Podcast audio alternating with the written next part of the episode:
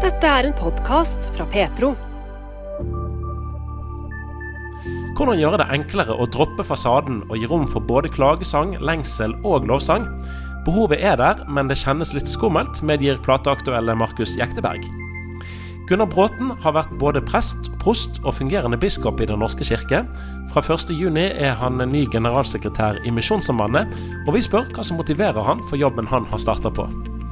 Menighet og butikk i samme bygg, og refleksjoner med utgangspunkt i innbydelse fra svært celebert hold, har òg plass i denne utgaven av Petro-uken oppsummert.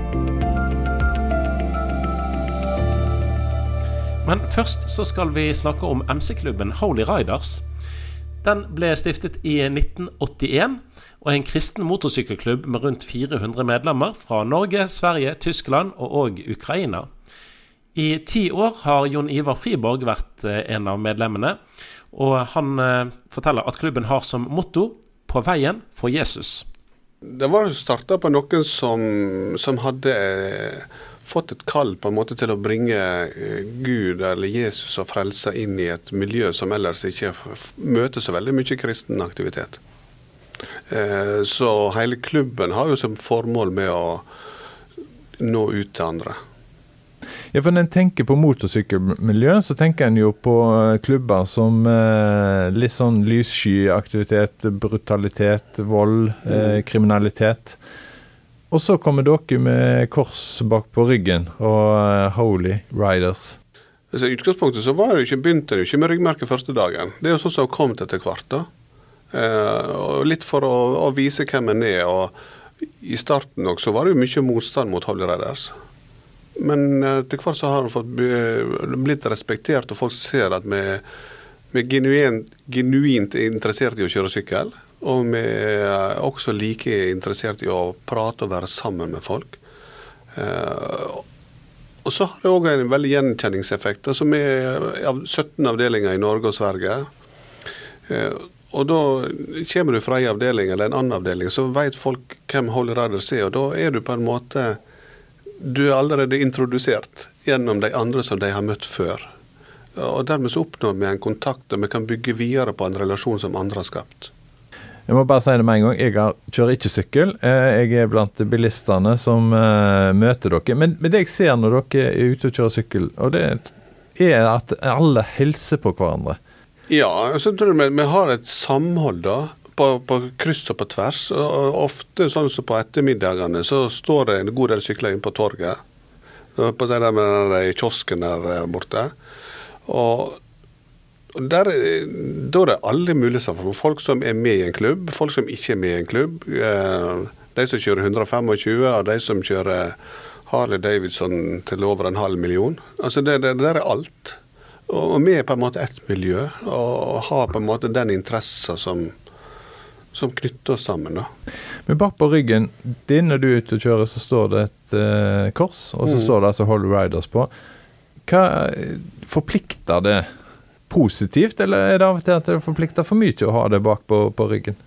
Jeg kan, jeg kan, ikke si at jeg syns det plikter for mye, men det er vel noen som syns det har vært kjekkere å dra på litt mer. Uh, Eh, men vi har jo det at vi har ryggmerke, så det er ikke lov å um, drikke alkohol når du går med vest. Eh, og du er forplikta på å kjøre skapelig når du kjører med vest.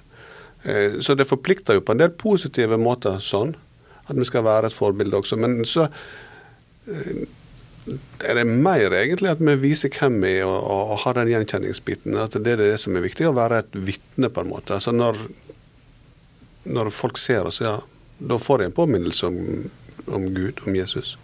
Det er òg en forpliktelse eh, som eh, er viktig eh, når dere møter andre folk? Vi tenker jo egentlig at uh, vi skal bygge relasjoner. Uh, det er på mange måter veldig likt som misjonsarbeidet som vi har, uh, som Misjonssambandet bl.a. har i veldig mange deler av Norge og utlandet, både lukka land og åpne land så er det det, det bygger relasjonen. Og så eh, opplever det at eh, folk på et tidspunkt så begynner de å spørre. Og er det andre til stede, så gjerne på en litt provoserende måte, men de spør for å få vite. Ja, for du har jobba som misjonær for eh, Misjonssambandet i Mali og Elfenbenskysten i Afrika. Og den rolla du har nå, når du tar på deg vesten og er medlem av eh, denne kristne motorsykkelklubben Så det er en likhet eh, mellom de to rollene, altså? Ja, jeg tenker jo det, altså jeg tenker jo det eh, sånn uansett. Altså min sånn eh, Jeg er veldig glad i den svenske kjernebibelen. Den sier i misjonsbefalinga mer sånn mens du er ute og går i verden, så skal du vitne. Og, og sånn er vi. Og, og så er vi kanskje Vi har den fordelen at, at vi eh, er ute i ei vitnetjeneste, og den er aktiv. Og, vi får en påminnelse sjøl om at vi er det. Og, og det syns jeg er godt, for det er ikke alltid like lett på jobb. Er det hjelp å ha det ryggmerket bak på ryggen med det korset eh, i hverdagen, syns du? Ja, jeg syns det. Det, det, på en måte er at det ikke hjelper å ha fokuset. Vi har klubbsamling hver mandag, så du blir påminnet. Og du blir påminnet at det er noe annet enn bare å gå på møte på søndagen, og så går du hjem igjen, og så er that's it. Eh, og at det faktisk er andre som har bruk for det samme som jeg har fått. Og ta imot den nåden. Holy Rider sin sommersamling skjer i år eh, 22. til 25. juni i Seljord i eh, Telemark. Og eh, Jon Ivar Friborg skal sjøl reise fra Bergen til eh, Seljord, bo i telt og møte mange venner som har samme interesse som han. Men en trenger ikke være kristen for å reise på pilegrimstreff med Holy Riders, sier han. Ja, den som var med, eh, ikke-kristen, eh, som var med for noen år siden, han, eh, to år siden, han skulle ikke være med. Men han var med og øvelseskjørte med en annen avdeling, så ja, men du kan jo være med. Så får du kjørt noen hundre kilometer på den turen her og den helga. Ja da, men han skulle ikke være med på et eneste møte. Han var med på alle møter, og dette var det flotteste han hadde opplevd i hele sitt liv. Han var passert 50. Mange arrangement eh, som eh, vi nevnte skjer om sommeren. Eh, Pilegrimstreffet til Holle Eiders, skiller det seg ut på noe vis eh, i forhold til andre kristne arrangement eh, som skal være nå i sommer? Ja, på en måte så gjør vi det. Eh, det st- Størsteparten av eh, selv oss som er passert eh, 39 for eh, ganske mange ganger siden, eh, bor i telt. Eh, De aller, aller fleste kjører motorsykkel. Eh, og da er det jo med, på ei åpen slette, og vi har på en måte motorsykkel, men vi snakker litt sånne ting sammen også. Så vi har den interessen i tillegg til, eh, til Jesus, til Guds ord. Eh, så er nok Jeg tror nok det er, jeg vil si at det er veldig mye åpnere MC-miljø enn eh, bedehusmiljøet. Det er mye lettere å snakke med hvem som helst som du ikke kjenner i MC-miljøet, kristen eller ikke kristen, enn det er hvis du er på generalforsamlinga til Misjonssambandet. Hva tenker du er grunnen til det? Nei, det skulle jeg likt å visst. Eh, men jeg, eh, det forundrer meg veldig hver gang jeg har vært på en ikke-kristen MC-fest, og den velkomsten jeg får der i forhold til hva jeg får i det kristne miljøet. Det, det er like sårt hver gang. Men grunnen? Ja, jeg, eh, jeg Jeg tror kanskje det er en større åpenhet for, for, for hverandre. Altså, vi, en respekt for hverandre på en helt annen Jeg vet ikke. Jeg skulle likt å visst for det. Jeg skulle gjerne klart å tatt med meg det inn i Salem eller her i Bergen eller andre plasser. Men eh, sånn sett kunne jeg likt å tatt med meg de som er her ute i MC-miljøet. Fått opplevd det. Det å kjøre motorsykkel, eh, Jon Ingevar Friborg. Eh, du har vært medlem i Holler Reiders i ti år. Mm. Eh, men, men det å kjøre sykkel, for du sa du har feiret eh, 39-årsdagen noen ganger nå. Hvor, eh, hvor starta den interessen? Eh, han har alltid vært der siden de andre eh, kjørte lettsykkel. Men hos oss var det aldri økonomi eller uh, mulighet til å, gå der. Så uh, var det sånn at jeg uh, jobbet på en bensinstasjon eh, like ved Fjelløynik på Misjonsskolen. Der var en kjøreskole som hadde parkert syklene sine, så da måtte vi jo bare begynne. Og så tok lappen, da. Og det var jo litt med, med god unnskyldning for det at jeg visste at det, det bistandsprosjektarbeid som var tanken jeg gjerne skulle inn i, så var motorsykkelen brukt. Så at, eh, da hadde jeg en unnskyldning for å kunne ta lappen òg. Eh, så begynte det der. Men hva er det med det å kjøre sykkel i trafikken eh, på to hjul eh, som, som, fascinerer deg? Det ene er at det er en naturopplevelse som er helt annet enn å sitte inne i en kasse. Eh, du kjenner luktene, du, du kjenner vinden som varierer. Du kjenner en annen opplevelse av lys og lyd, selv om du lager litt lyd sjøl. Og så kjenner du at du lever holdt på å på en annen måte, for du kjenner eh, kreftene i svinger og alt sånt. Og, ja. det, det, er bare fascinerende å kjøre motorsykkel. Det, det er bare en, en hel pakke som, som gjør at du, du må ha prøvd det for å forstå det. Men du er familiemann. Du kan ikke ta med deg hele familien på, på sykkelen din. Eh, er det sånn egotripp, dette her? Ja, det er litt grann det. Jeg, jeg bruker som regel ikke ha telefonen på når jeg er ute og kjører sykkel. Da er det er tid jeg tenker, det er tid jeg ber. Jeg hører en del på podkast når jeg kjører, det varierer veldig på det. da. Og så er det godt at ikke det er det. Ja, det, er, det er god tid for meg, da. Men du sa her eh, når vi snakket litt tidligere at du stoler ikke på en eneste bilist. Som bilist, hva er det du, som gjør at du ikke stoler på meg? Eh, jeg veit aldri hvor tid du ser meg. Eh, og jeg vet at veldig mange bilister feilbedømmer avstand i forhold til motorsykkelen. og og Derfor så tenker jeg at ja, men de klarer ikke å berekne hvor jeg er hen. Så jeg må bare stole på meg sjøl og bare tenke at eh, når du gjør dumme ting, så skal jeg være forberedt på å kjøre rundt deg eller stoppe eller ja. Og våren når den kommer og det er temperaturen gjør at en kan eh, ta sykkelen ut av garasjen, eh, hva, hva, skjer med en eh, motorsykkelentusiast da? Det kribler jo ofte en stund i forkant og venter på det, at de skal få spylt salt av veiene, så du slipper å vaske for hver fem minutter ute og kjøre. Eh, så, eh, I starten så er det jo veldig mye, da er det, da er det å leke seg. på å eh, Finne kumlokk der du kan kjøre kjeglekjøring på veien. og ja, Kjenne det at okay, du må banke litt rust i, i bremse og gass og sving og alt sånt. Men er du bekymra for eh, For det er jo, vi har jo hørt veldig mye i media om uh, ulykker med MC. Er du bekymra når du er ute og kjører? Nei. Jeg skal ikke si jeg er fatalist, men, men jeg tenker det at jeg må gjøre det jeg kan for å beskytte meg.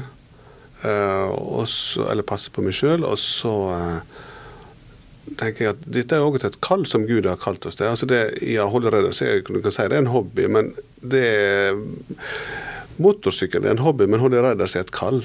Og det tenker jeg der, når vi var i Afrika, så opplevde vi jo eh, Jeg har vært utsatt for mye større fare der enn jeg har vært når jeg kjørt motorsykkel i Norge.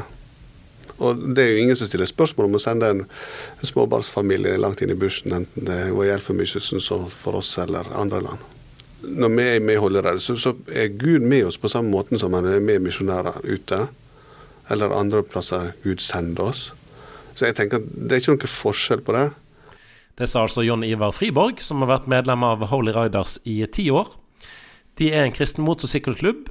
Rundt 400 medlemmer er fordelt på Norge, Sverige, Tyskland og òg i Ukraina.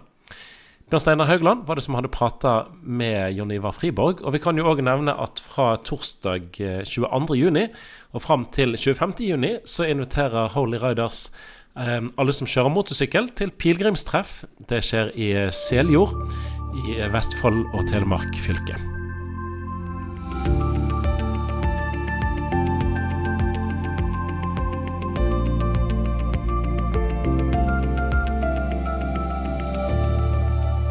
Klagesanger og sanger om lengsel burde få mer rom i kristne møter, sånn at sangene ikke bare rommer oppturene, men hele livet.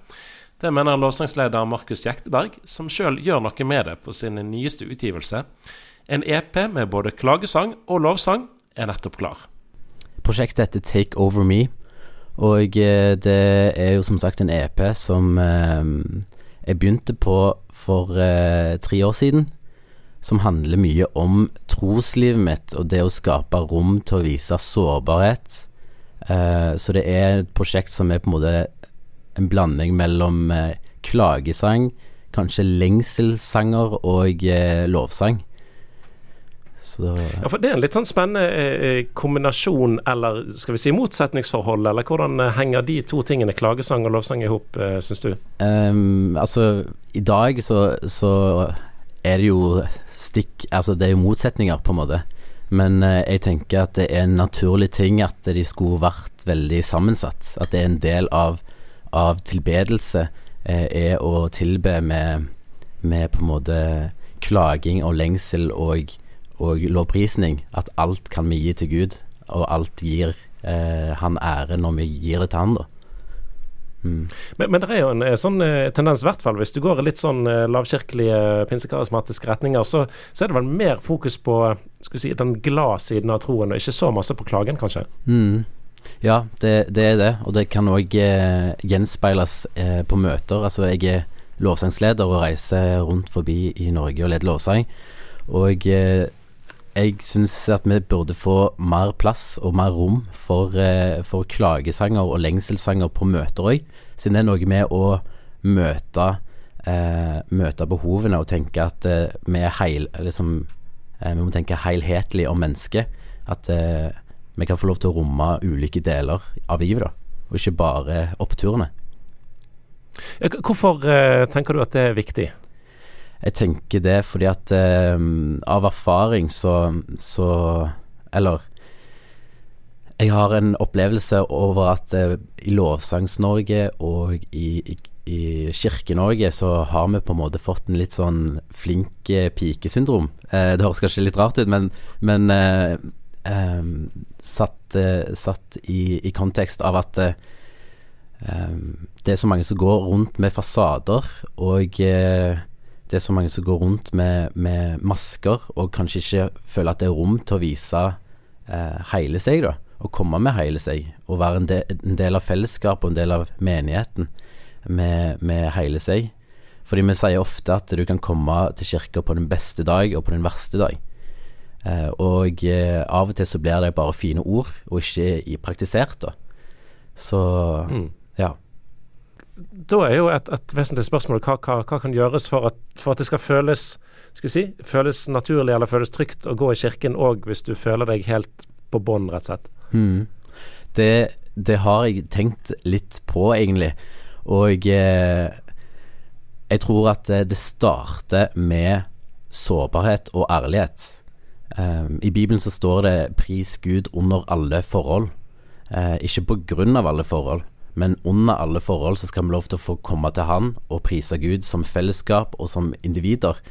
Eh, og det å kunne være sårbar i, i bibelgrupper eller på, på, hos noen venner, eller til og med i lovsang, eh, og, det, og, og ikke minst vitnesbyrd, eh, det tror jeg vil skape rom for, å, for at folk skal få tenke at eh, ja, men eh, jeg, jeg kan få lov til å fortelle hvordan jeg egentlig har det, hvordan det egentlig går med troa mi, hvordan det egentlig går psykisk, f.eks. Eh, og at det kan være med å skape rom til at eh, folk kan få lov til å leve i en større frihet i eh, kirka. Ja, går det an å være, være kristen og ha en trygg tro, og likevel slite med, med psyken, som du nevner her? Absolutt. Eh, det, det gjør jeg. og eh, det, det er et, på en måte en sånn paradoksal eh, strekk, eller sånn spenn, eh, i, i det. Fordi at eh, sånn som jeg nevner i den sangen eh, som dere kan høre på fredag, så synger jeg i refrenget um, You died on that cross, but I still feel so lost. Og det er noe som har vært med meg egentlig i hele troslivet mitt. Fordi at eh, ja, jeg er, jeg er frelst, jeg tror på Jesus Kristus, eh, men samtidig så Og han, og han har tatt, han har tatt eh, alle, all skyld, all skam, all smerte på seg sjøl eh, på korset. Eh, men samtidig så, så lever vi i en verden som, som er broken, og som, som har synd i seg. Og vi møter utfordringer. Og eh, det, det gjør jo det at eh, Ja. At eh, At selv om man sliter med depresjon eller noe sånt, så, så vet vi i hvert fall at det, det er én sannhet som, som eh, er sterkere enn noe annet enn følelser enn tanker. Eh, og det er det at eh, Jesus han døde for vår skyld, og vi er frelst når vi bekjenner Han som Herre. Eh, vi har vært inne på at liksom, denne klagesangaspektet eh, gjerne ikke får en sånn veldig framtredende plass i relativt mange menigheter eh, i, i, Norge. Men, men, i Bibelen så får det jo en, en god del plass. Har du henta noe inspirasjon der når du skulle lage dette prosjektet? Absolutt. Eh, David han er jo en, en, stor inspirasjon for meg, og, og jeg generelt i, i lovsangsverden, tror jeg med alle de salmene han har. Um, og noen, i hvert fall i USA, så har de jo mye Så er det noen som har tatt uh, mye inspirasjon fra klagesanger òg, og skriver uh, liksom sårbare sanger, og uh, tør, å, tør å, å, liksom ta den kampen der. Og så, så, tror jeg at det er enda større potensial i Norge til å utforske det, og til å på en måte ta den kampen som er der, da. Og Det gjør altså du gjennom det prosjektet nå på Spotify og uh, rundt forbi. Uh, du fortalte meg før sendingen at uh, det er litt sånn Du gruer deg litt til dette her skal ut til folk? Stemmer det. Jeg gjør jo det. For Hvorfor det? Nei, altså, det er jo Dette prosjektet så har jeg nok gått dypt i min personlige tro, på en måte. mitt trosliv. Og eh, det å blottlegge seg man, Men man gjør jo det til en viss grad, og, og det er sårbart. Og man kan eh, Jeg har tenkt mye sånn Ja, men hvordan vil det bli tatt imot? Eh, det er liksom litt skummelt, fordi at når det er ute der, så vil, all, så vil folk ha meninger om, om, om prosjektet osv. Men, men mitt mål og mitt ønske med, og grunnen til at jeg gjør dette i det hele tatt, det er nettopp fordi at eh, min egen erfaring i, i, i Kirke-Norge eh, har, har, vært det at eh, hvis man har et sterkt vitnesbyrd, og det var veldig sånn dag og natt og liksom før og etter, på en måte, eh, så vil man på en måte bli den personen. Eller man vil kanskje òg Jeg har følt til en viss grad at jeg har blitt satt litt på en sånn eh, pidestall, og at eh, at folk som ikke kjenner meg, har et inntrykk av hvem jeg skal være. Og så, under, og så, uten at jeg tenker så mye over det, så prøver jeg å møte de behovene, eller det bildet folk har av meg. Men så kjenner jeg jo på mm. innsiden at det, det er jo ikke meg. Uh, kan... ja, så, så, du på en måte skal leve opp til et bilde av den uh, omvendte nykristne som der alt er bra, liksom? Ja, men så, så vet jeg liksom med meg sjøl at det er, uh, det er tvil. Altså tvil er en, tenker jeg, en, en, en, på en måte går hånd i hånd med tro, på en måte. Og det er, det er, motgang, det er depresjon, det er uh, Ja, både Ja, det, det, er ulike utfordringer, da, som, som gjør det at uh, det kan være vanskelig å å leve i et fellesskap der man tenker at alle har det bra, for folk går med litt fasader og masker, og jeg har lyst til å passe inn, osv., og, så og så kan det bare bli en sånn ekstra press og, eh, og, en ekstra last som gjør at du til slutt blir litt utbrent. Og så er mitt mål da at eh, jeg skal få lov til å skape en frihet med å være ærlig med hverandre, og en, eh, en kultur som, som, fokuserer på hele aspektet med mennesket, og hele eh, på en måte aspektet med tro. At det er the good, the bad and the ugly, men alt skal få lov til å ære Gud. Eh, ja. Det sa Markus Jekteberg, som altså ga ut EP-en 'Take Over Me' fredag 16.6, der både lovsang og klagesang har fått plass. Takk for at du lytter til denne podkasten fra Petro. Liker du det du hører, setter vi pris på om du tipser andre om radiosendinger og podkaster fra Petro. Du finner oss på DAB, og både radiosendinger og podkaster er tilgjengelige i Petro-appen, som enkelt lastes ned fra Google Play eller AppStore. Nå skal vi bli bitte litt kjent med den nye lederen i en av Norges største misjonsorganisasjoner. For 1.6 tok Gunnar Bråten over som generalsekretær i Norsk Luthersk Misjonssamband. Han har vært engasjert i organisasjonen på forskjellige nivåer gjennom hele sitt voksne liv, bl.a. som rektor ved bibelskolen Fjellheim i Tromsø. De siste 20 årene har han vært prest og prost i Den norske kirken. Og kollega Inge Kallestad spurte om hva som motiverer Gunnar Bråten til å ta fatt som leder i en misjonsorganisasjon som Misjonssambandet. Det primære er jo eh, at jeg har tro på det som organisasjonen står for, og som er målet for organisasjonen. Og så har jeg jo fra, ja, fra jeg begynte på utdannelse. Jeg gikk jo misjonsskolen på fjellet og sånn òg, så har jo har det ligget en kallstanke der. Uh, og da jeg gikk misjonsskolen og var ferdig på misjonsskolen, så ble jo misjonsstudentene plassert. Uh, det var på en måte sånn kallet ble satt ut i livet. Og, uh, og, jeg fikk jo et kall til det her òg. Jeg ble jo kalt av hovedstyret. Jeg har jo ikke jobben for at jeg søkte den, men jeg ble spurt og etter hvert kalt. og, hadde respekt for, det, for den utfordringa. Uh, så er er det jo sånn med den type kall at, uh, at motivasjon er ikke nødvendigvis den eneste effekten av det. Altså, det kan være både litt uro og, og, skrekk òg. Så det er jo med, med litt blanda følelser at, at, jeg går i gang.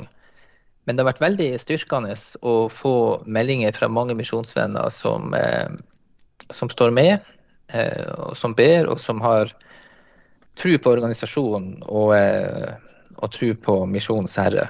Så eh, det er frimodighet til å gå inn i denne tjenesten. Du er nå begynt som generalsekretær i en eh, organisasjon som har vært prega av uro siste åra. Stikkord eh, det er varslingssaker, det har vært avisskriverier, eh, samarbeidsvansker, generalsekretæravgang på kort varsel i fjor. Hva vil du gjøre for å skape ro, og at, at folk i organisasjonen som har opplevd vansker, skal føle seg, føle seg møtt og ivaretatt?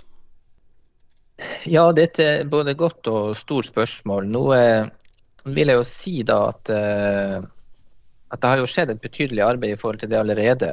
Eh, og det her er jo også en ting som media har hatt og har ganske mye søkelys på. og og som, som ja, har tatt egentlig mye tid og ressurser. Men og vi er i ferd med å bygge opp et system for å ivareta varslinger på en bedre måte.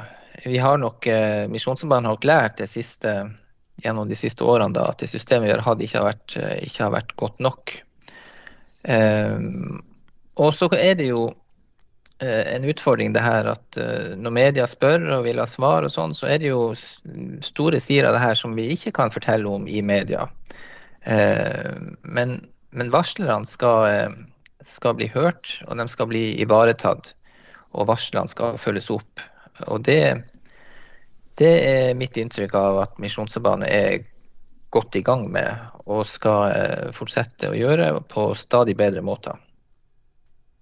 Misjonssambandet har et stort arbeid i Norge, bl.a. skoledrift, og de har forsamlinger, foreninger osv. Eh, og så er det et stort arbeid i mange land rundt om i verden, i ulike verdensdeler. Eh, satsingsfelt framover, hva syns du er viktig å legge vekt på? Er det noe sånn umiddelbart du tenker på da? Nå har jo Misjonssambandet vedtatt en strategi, og den er jo førende for, eh, for det vi gjør. Et viktig punkt har jo vært i unådde. Og så er det jo sånn at, eh, at et folk vinnes jo bare én generasjon i gangen.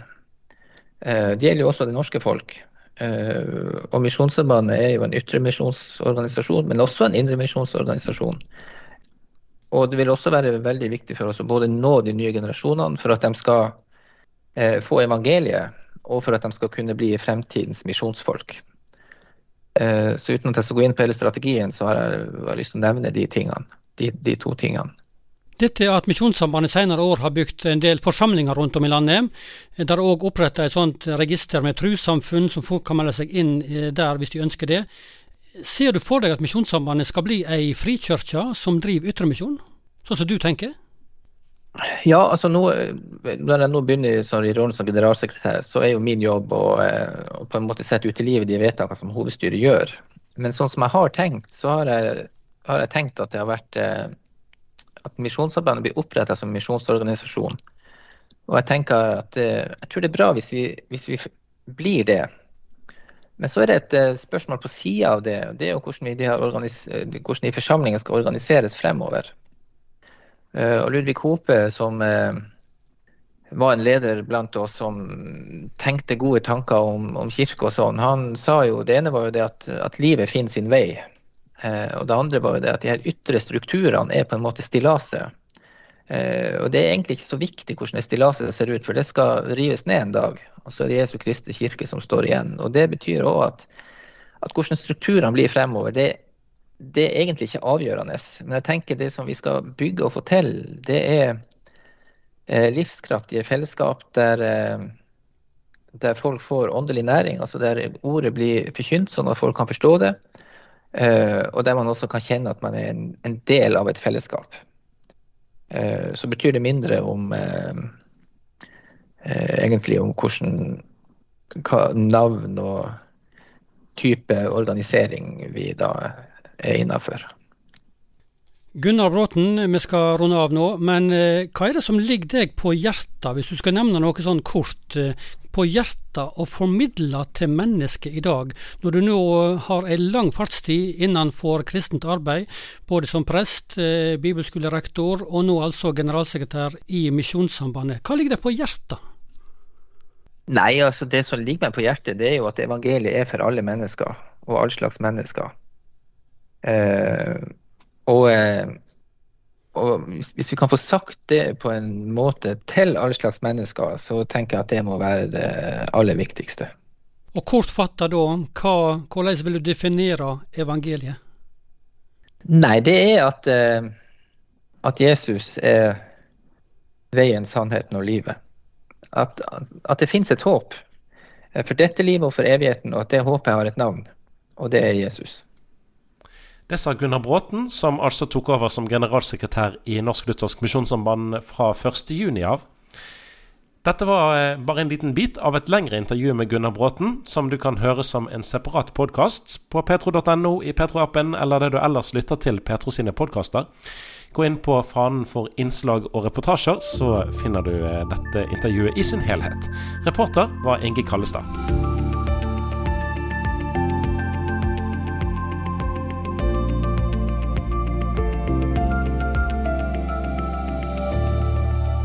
Hvordan funker det å ha menighet og butikkdrift i samme bygg? Det er en aktuell problemstilling flere steder i landet, der Norsk Luthersk Misjonssamband både har menighet og gjenbruksbutikk. For Misjonssambandet har en kjede av gjenbruksbutikker, rett og slett kalt Gjenbruken. Der er det Bjarte Rydland som er daglig leder. Og i en sånn jobb så blir han selvfølgelig glad over salg og kunder i butikkene, men òg av andre sider av butikkdriften. Ja, det er fint det. Og så er det såpass mye annet rundt dette med hjembruken som på en måte gjør meg glad. Og når man først er med på denne serien her, så må tenke litt på det, så er det Fikk en påminnelse her forrige uke, og det er noe av disse synergiene på de stedene hvor vi har samlokalisert eh, butikkene våre med forsamlingsdrift. Og høre fra hva effekt det på en måte har. Eh, og for 14 eh, dager, tre uker siden så deltok jeg på et møte hvor eh, nå sier pastoren det at nå må vi utvide møtesalen. Og vet jo det at dette er et bygg man aldri hadde fått tak i hvis man ikke var for at vi var inne som leietagere. For dere har altså gjenbruksbutikker en del plasser rundt om i landet der det òg er en forsamling, en menighet tilknyttet Misjonssambandet, samme plassen? Ja, så nå er det fem steder, og så er det to steder hvor også Misjonssambandet nå har kjøpt bygget, og hvor forsamlingene er på vei inn i det bygget med sin virksomhet. Så da i løpet av eh, kanskje dette året her, så er vi en sju lokasjoner i Norge hvor det er samlokalisering med butikk og forsamling. Du, Hvordan eh, planlegger dere, tenker dere rundt dette her og, og for å få det til? Det kan jo gjerne være en litt sånn krevende prosess, men det, det har jo dukka gjerne opp litt lokalt. Og det har ofte dukka opp med at forsamlingsvirksomheten til Misjonssambandet trenger nye lokaler. Å klare å finne det og ha råd til å finansiere det helt på egen hånd, det har eh, gjerne vært utgangspunktet for de fleste av disse stedene. Og hvor vi da med en samlokalisering, hvor vi kommer inn som leietager også i samme bygget, så kan det være med å finansiere dette. Og hva betyr det, synes du? Det ligger jo en enormt potensial. og Vi har hørt liksom mange ting. Vi hører på en måte at det kommer flere på gudstjenestene etter man har samlokalisert. Eh, gaveinntektene øker. Plutselig ser man eh, unger på forsamlinga. Noen melder om at nå har de satt medlemsrekord. Så det er veldig mange sånne positive synergier ved at vi på en måte har denne modellen. da. Ja, Nå er jo du daglig leder i Gjenbruken. Det er butikkdrift det handler om. Det handler om at det kommer folk innom butikkene, og det handler om å få kjøpe og selge, og inntekter eh, som da går videre til misjonsarbeid. Men, men, hvorfor for din del tenker du at det er viktig at eh, det òg blir gjerne samlokalisert med menighetsarbeid? Hvorfor er nå det viktig? Vi ønsker å drive misjon i Norge. Altså, Vi ønsker å nå mennesker i Norge. Og hvis vi ved å jobbe sammen eh, Vi er jo ambisjonssammenn alle, alle sammen. Men ved å på en måte jobbe sammen om disse tingene her, så kan vi på en måte realisere enda mer av det formålet. Butikken trekker jo folk inn. Eh, noe av det vi har prata varmt om, er på en måte å kanskje bygge ned dørtersklene. Som av og til kan være litt høye inn i et bedehus. Men hvis du er i samme bygget og sånne ting, og er du medarbeider i butikken og medarbeider eller er med i forsamlinga og du treffer på en kunde i butikken, så tenker jeg at det er hakket enklere å si det at vet du hva, kanskje en person du har bygd litt relasjon til over tid, ikke den første gang du møter den kanskje, eller hun. Men uh, si det at det på søndag, vet du hva, døra ved siden av her, så har vi gudstjeneste nå på søndag. Du er hjertelig velkommen. Jeg er der, jeg kan møte deg, vi kan sette oss sammen. Uh, ja, så det ligger eh, noen muligheter her, tror jeg, for å enda, gjøre enda mer ut av det enn det vi på en måte gjør i dag, selv om det er veldig veldig mye flott som skjer. Da. Og vi hører mye fine historier. Du sier Misjonssambandet er opptatt av å drive misjon òg i Norge. Hvorfor er det viktig, sånn som du tenker og ser det, å drive misjonsarbeid i Norge i 2023?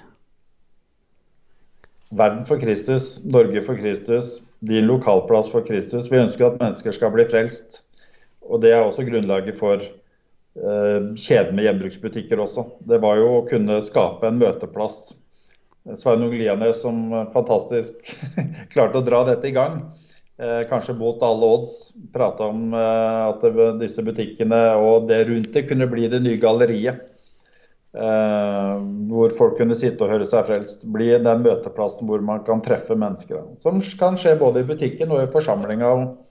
Vi har medarbeidere som eh, begynner å gå i forsamlingene eh, også. Så, og hørt også om en del som faktisk har funnet veien tilbake igjen til Misjonssambandet. Som av en eller annen grunn har vært litt i periferien, kanskje. Og så funnet tilbake igjen gjennom å bli medarbeider i butikken, og så inn igjen i forsamlinga. Så dette er også en bit av din jobb som gleder deg? Ja, dette gleder meg mer enn pengene. Det sa altså Bjarte Rydland, som er daglig leder for Gjenbruken. En kjede av gjenbruksbutikker eid av Norsk Luthersk Misjonssamband. Det var Inge Kallestad som hadde snakket med han. Så skal vi skifte litt gir her, for nå skal vi over til denne ukens refleksjonsserie. Og det er litt eh, bryllupsplaner og invitasjoner som eh, er bakteppet for eh, tankene du snart skal få høre. Du lytter til en podkast fra Petro. Vi ønsker å formidle tro, rotfestet, redelig, reflektert og relevant, slik at du blir inspirert til etterfølgelse av Jesus. I tillegg til podkaster og webradio kan du høre Petro på DAB 24-7 mange steder i landet. Mitt navn det er Håkon. Og jeg vet ikke med deg, men hvis du hadde fått et brev i posten som var fra kong Harald, hvor han inviterer deg til et stort festmåltid på Slottet, hva ville du svart da? Du har svarfrist på tre uker. Du ser på kalenderen din, og så ser du ah, jeg har det jo kjempeopptatt, jeg skulle jo ha en avtale med de, og jeg skulle jobbe der og da. Nei, det passer jo ikke. Nei, du hadde mest sannsynlig ikke svart det. Du hadde prøvd å legge unna dine andre avtaler nettopp for å si ja til en sånn invitasjon. Det er ikke hver dag man får en invitasjon av kongen til et stort festmåltid. Jeg opplevde faktisk noe lignende tidligere i høst. Da fikk jeg en mail hvor jeg ble invitert av Kingdom of Marokko til et stort festmåltid og en konferanse der nede.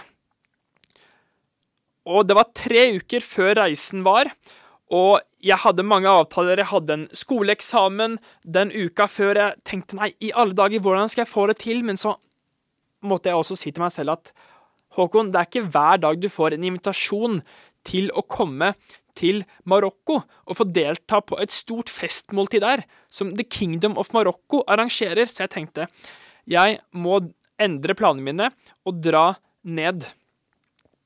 Og jeg gjorde det, og det ble et skikkelig stort festmåltid. Jeg har aldri vært borti noe lignende tidligere. Men se for deg det at Gud inviterer deg til et skikkelig stort festmåltid. Hva ville du svart da? Ville du hatt unnskyldninger for hvorfor du ikke kunne komme, eller ville du lagt vekk dine egne planer for å takke ja til en sånn invitasjon, når Gud, kongenes konge, inviterer deg til festmåltid?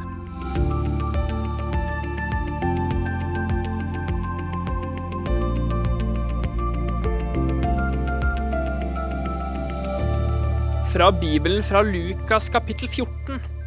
Der står det om det store gjestebudet. For det var en mann som ville holde et stort gjestebud, og han innbød mange. Men det var sånn at da festen kom, så var det veldig mange som hadde ulike dårlige unnskyldninger for hvorfor de ikke kunne komme. Det var en som sa 'Jeg har kjøpt et jordstykke og må gå ut og se på det. Vær så vennlig å ha meg unnskyldt.' Og en annen sa 'Jeg har kjøpt et par okser og skal ut og prøve dem. Vær så vennlig å ha meg unnskyldt.' Og en tredje sa, Jeg har gifta meg, derfor kan jeg ikke komme. Og da tjeneren kom tilbake og fortalte dette her, så ble jo han herren som inviterte inn, ganske irritert. Så han ba tjenerne å gå straks ut på byens torg og gater og hente inn alle de fattige og uføre og blinde og lamme. Og da tjeneren hadde gjort det, så var det fremdeles plass, og Herren sa gå ut på veiene og stiene og nød folk til å komme inn til huset mitt, så det kan bli fullt. Jeg vet ikke med deg, men syns du disse unnskyldningene var gode? Når denne herren her inviterer til et stort gjestebud eller til et to, stort bryllupsmåltid, kan vi jo på en måte si. Han ene skulle bare se på et jordstykke, det høres jo veldig kjedelig ut. Og han ene skulle prøve noen okser, ja, men hvorfor kunne han ikke vente med det, da? Og han ene sa han hadde gifta seg, og kunne ikke komme. Det er kanskje en unnskyldning jeg forstår litt mer, man må høre litt på kona iblant, men i denne sammenheng blir det likevel en tåpelig unnskyldning. Gud, han inviterer oss til et stort festmåltid, og han lurer på om vi har lyst til å takke ja. Vi har en mulighet til det. Vil vi ta del ved Guds bord og sitte til måltid i Guds rike, eller vil vi ikke? Det er et valg som er opp til meg og deg. Vi kan velge å takke nei til invitasjonen, men da får vi jo ikke komme inn, står det i denne lignelsen her. Da må vi stå på utsiden. Hvorfor? Jo, fordi vi selv har takka nei til invitasjonen. Men så er det jo ikke sånn at det bare var de som var innbudt først, som vil komme, nei. Denne herren han ville invitere andre folk, de fattige og uføre, blinde og lamme, disse på, fra andre steder. Han skulle nøde folk til å komme inn. Herren ville at huset skal bli fullt. Og på samme måte så ønsker Gud dette her. Han ønsker et stort festmåltid som er for alle folk, fra alle livssituasjoner, og det inkluderer også deg. Du er invitert til Herrens festmåltid, og så er spørsmålet takker du ja til invitasjonen.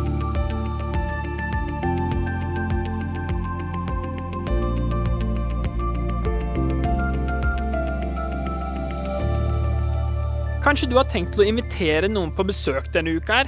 Kanskje det er noen venner eller familie som hadde vært hyggelig å se igjen? Besøk det er alltid hyggelig. Å dele måltid sammen med folk man er glad i, det er en veldig fin ting.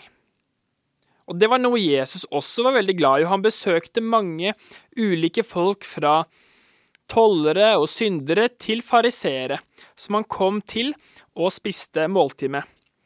Men en gang han var på middag hos noen fariseere, så sa han et ord til verten. Da sa han, Når du skal ha gjester til middag eller kveldsmåltid, skal du ikke be venner eller søsken eller slektninger eller rike naboer, for de kommer til å be deg igjen, og dermed får du gjengjeld.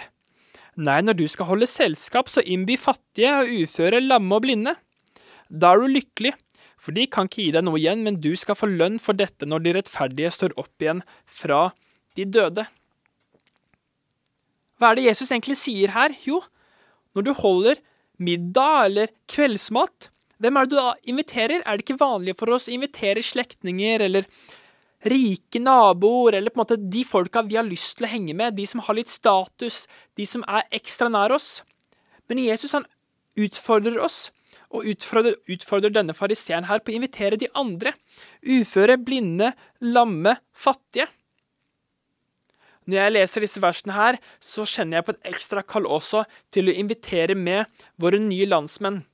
Det er en stor gave i mitt liv å få lov til å invitere innvandrere hjem til oss, men også det at de inviterer meg på besøk hjem til de. Og da lager de ofte skikkelig god mat.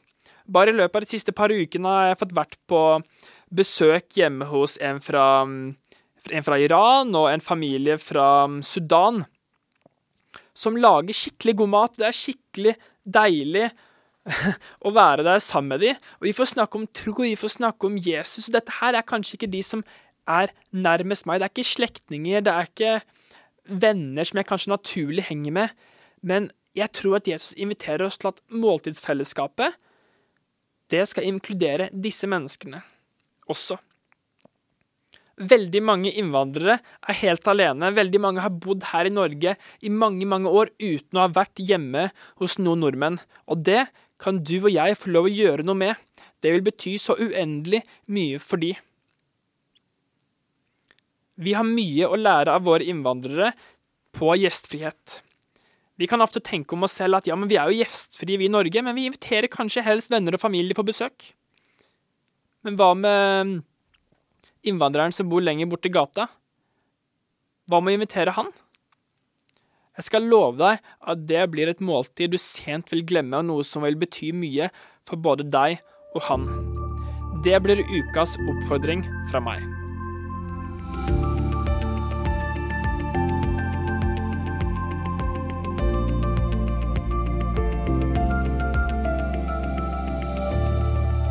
Så langt denne uka her så har vi snakka om det å bli invitert med på et festmåltid. Og dette her er et tema som går igjen flere ganger i Bibelen. Og blant annet i Jesaja kapittel 25 og vers 6-9. Og der står det at Herren han skal gjøre i stand for alle folk et festmåltid med fete retter, et festmåltid med gammel vin med fete, margfulle retter og gammel, klarnet vin. Og på dette fjellet skal han sluke sløret, som tilslører alle folk, dekket, som tildekker alle folkeslag. Han skal sluke døden for evig, Herren Gud skal tørke tårene fra hvert ansikt. Han skal ta bort sitt folks vanære fra hele jorden. For Herren har talt. Den dagen skal de si, Se, dette er vår Gud. Vi håpet på ham, og han frelste oss, dette Herren, vi håpet på han. La oss juble oss og glede oss over hans frelse. Jesus han kom til verden for å frelse oss fra vår synd, sånn at vi kan få sitte til bords i Guds rike, sånn at vi kan få være med på dette festmåltidet som Gud inviterer til. Men her så er det tydelig at dette festmåltidet det var ikke bare for jødene. Nei, dette var et festmåltid som var for alle folk. Til alle folkeslag skal ha en plass ved Guds bord. Og dette her, det bør få følger for hvordan du og jeg lever livene våre. Hvem er det vi har måltidsfellesskap med? Inviterer vi folk fra andre folkeslag fra andre land, fra andre kulturer, på måltid sammen med oss? Inviterer vi dem med i fellesskapet, i kirker? Møter vi dem? Skaper vi vennskap med dem? Jeg tror det er veldig viktig, fordi gjennom det så kan vi få lov å være med og fortelle dem om Jesus, sånn at de også kan få ta del ved Herrens festmåltid, som allerede er gjort klart for dem. Og så har Jesus gitt meg og deg også et kall til å være med og kalle inn folk til dette store festmåltidet. Jesus sa at vi skal gå ut og gjøre alle folkeslag til disipler. Mennesker fra alle land og kulturer, helt til verdens ende. Og så er det mange av disse som bor i våre egne nabolag i dag.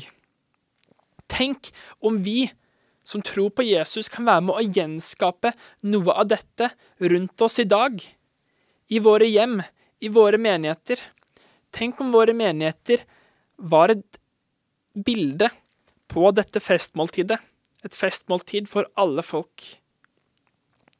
Ikke la oss få kultursjokk når vi kommer til himmelen, for der er vi lova at vi skal lovprise sammen med alle folkeslag.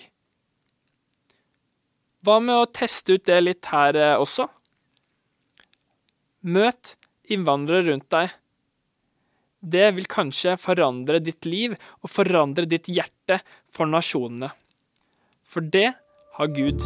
Et hjerte for alle folkeslag og alle nasjoner.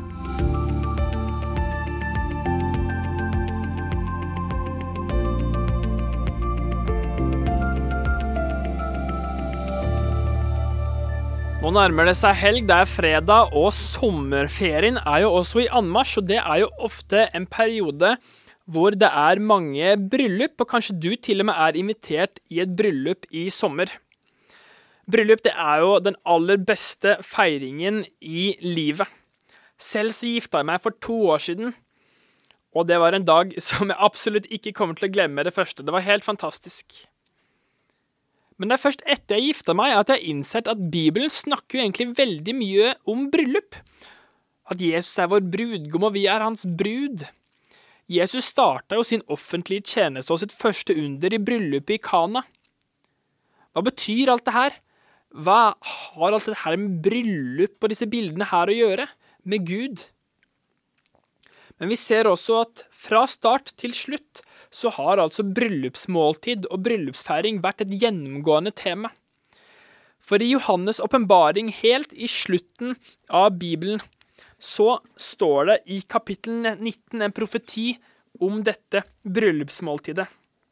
Da står det at folket som sto foran tronen til Gud, de ropte og sa, Halleluja, for Herren er vår Gud, den allmektige, er blitt konge. La oss glede oss og juble og gi ham æren. For tiden for lammets bryllup er kommet. Hans brud har gjort seg i stand, og hun har fått en drakt av skinnende, rent lin. Og linet er de helliges rettferdige gjerninger, og engelen sa til meg, skriv, salig er de som er innbudt til lammets bryllupsmåltid. Og han la til, dette er Guds sanne ord. Salig er de som er innbudt til Herrens festmåltid. Det tror jeg blir et skikkelig bra måltid, og der håper jeg at både du og jeg vil sitte til bords. I vårt bryllup så hadde vi sushi til forrett og injera wat, etiopisk nasjonalrett, til hovedrett. Jeg vil tro at eh, det blir til og med enda bedre mat enn det til denne bryllupsfeiringen som lammet, som er et bilde på Jesus, skal åpenbare for meg og deg. Du er invitert til dette festmåltidet. For Gud, han har kledd oss, når vi tror på Jesus, i frelsens klær. Han har svøpt oss i rettferdighetskappe, som det sto om her. Vi som kristne og som menighet, vi er bruden gjort klar for Jesus som er brudgommen. Vi får lov til å bli invitert til dette måltidet, og du bør takke ja det skal jeg love deg at du aldri kommer til å angre på. Jeg ønsker deg en flott sommer videre, og skal du i bryllup i sommer, så husk på dette her. Du er invitert til et himmelsk bryllupsmåltid av Gud. Ha det bra.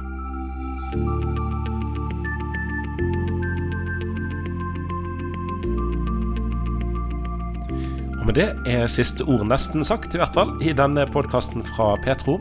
En ny oppsummering fra oss kommer om en uke. Følg òg med på de andre podkastseriene våre. Petro-gjesten, livsmestring osv. osv. Jeg heter Bjørn Inge Sakstad. Vi høres.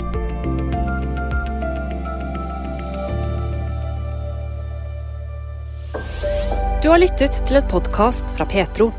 Flere podkaster fra oss finner du bl.a. på petro.no og i Petro-appen. Der kan du også høre radiosendingene våre 24-7. Husk også at vi sender på DAB mange steder i Norge. Vi høres!